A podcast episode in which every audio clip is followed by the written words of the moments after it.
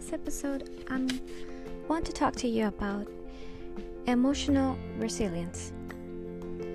We often uh, have a concept that being resil- resilient is coping, but when you're coping, you're just uh, not resolving the situation and just not moving, not thinking, not doing. So that leaves you at the end with stress, maybe internal or external, and you maybe yell and scream and shout, but nothing gets resolved. And resilience means that in the middle of the situation, you keep your calm, you keep your cool. And that allows you to access your mind, creativity, and that spark of you that makes you awesome. So we're always having difficulties in our life. We are always having like multitask. We have some sometimes we have situations that present that really test our resilience. We have this event going on with this COVID sickness. We have the family in the house, and that sometimes makes us friction, makes us uh, get to know our real family members that we didn't know them before. So sometimes we have a lot of situations going on, and coping. Coping just gets you tired at the end of the day, not resolving. Resilience emotionally allows you to address it without getting angry and maintaining a rational part of you. So, I want to help you manage your emotional response to cope with the difficulties and recover or adapt to change. You have all the answers inside of you to to have the solutions for your personal life. And everything just starts with the positive thoughts. So simple as say, I can, I can, I can, I know I can. Because you're really capable of awesome stuff. Maybe sometimes you, you don't do it at the first time and you fail, and that is normal. Maybe second time. But you can always have plan A, plan B, plan C, plan D. And you can use your mistakes. As painful as or embarrassing as sometimes they are, use them to reflect and see what is not working. A lot of interesting and incredible stuff happens when you try.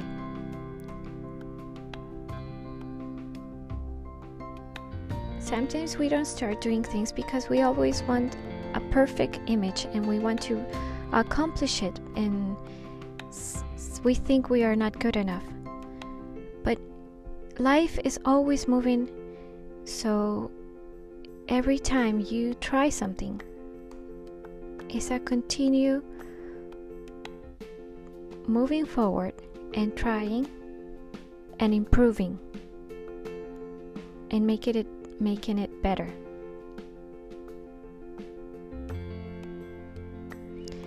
The best times for something is right now with you. Starting with positive things, positive thoughts. Give yourself positive thoughts, positive words for you. Such as I can, I will, and make it fun. So when you do the action, even if it comes as a mistake, you keep going because life is continue. And it's about making a change. being kind to yourself with the weakness of falling back to your to your attitude of trying to resolve things by yelling or screaming or getting angry. You can be kind to yourself. Impatient is a skill that it's you can develop with time. It, so be patient with yourself. Be kind. Mistakes are an opportunity to see what's going on, what you're not catching, what is going through that you're not quite seeing. I want to invite you to really think positive things about you. To be kind. I say this a lot because when you're kind to yourself, you're being meek, tender.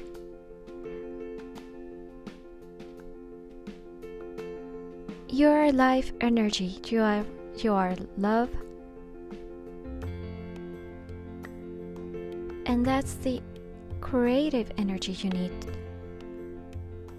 in the moments of stress.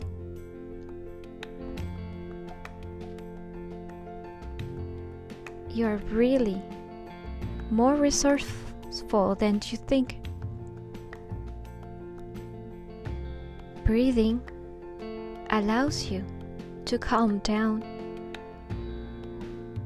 and remember who you are inside. If a situation arouses that you don't like, so you handle it differently this time.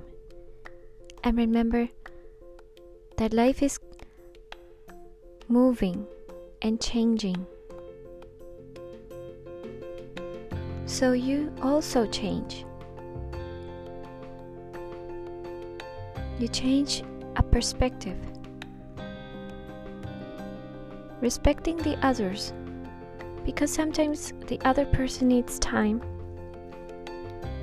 to understand. And if you see a fault in other, then you are patient with them because that's being kind to someone else and tender. And that is, in a way, a seed for someone else to realize and to get resilient. We are examples of life, and so others see us, and we are examples to them.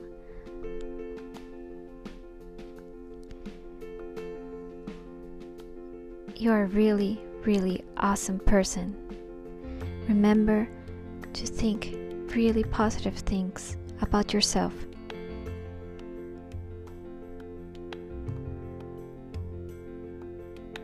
If you're having a difficulty and the only way you want to have the solution to it is not a positive way, realize that that you are a key for change. And that this time all your experience, all your knowledge are with you to provide provide you with the with the answer, with the action that you must take. And even if you make a little mistake or a big mistake, you keep going because you are normal and you are learning. And mistakes are for you to see what needs improvement.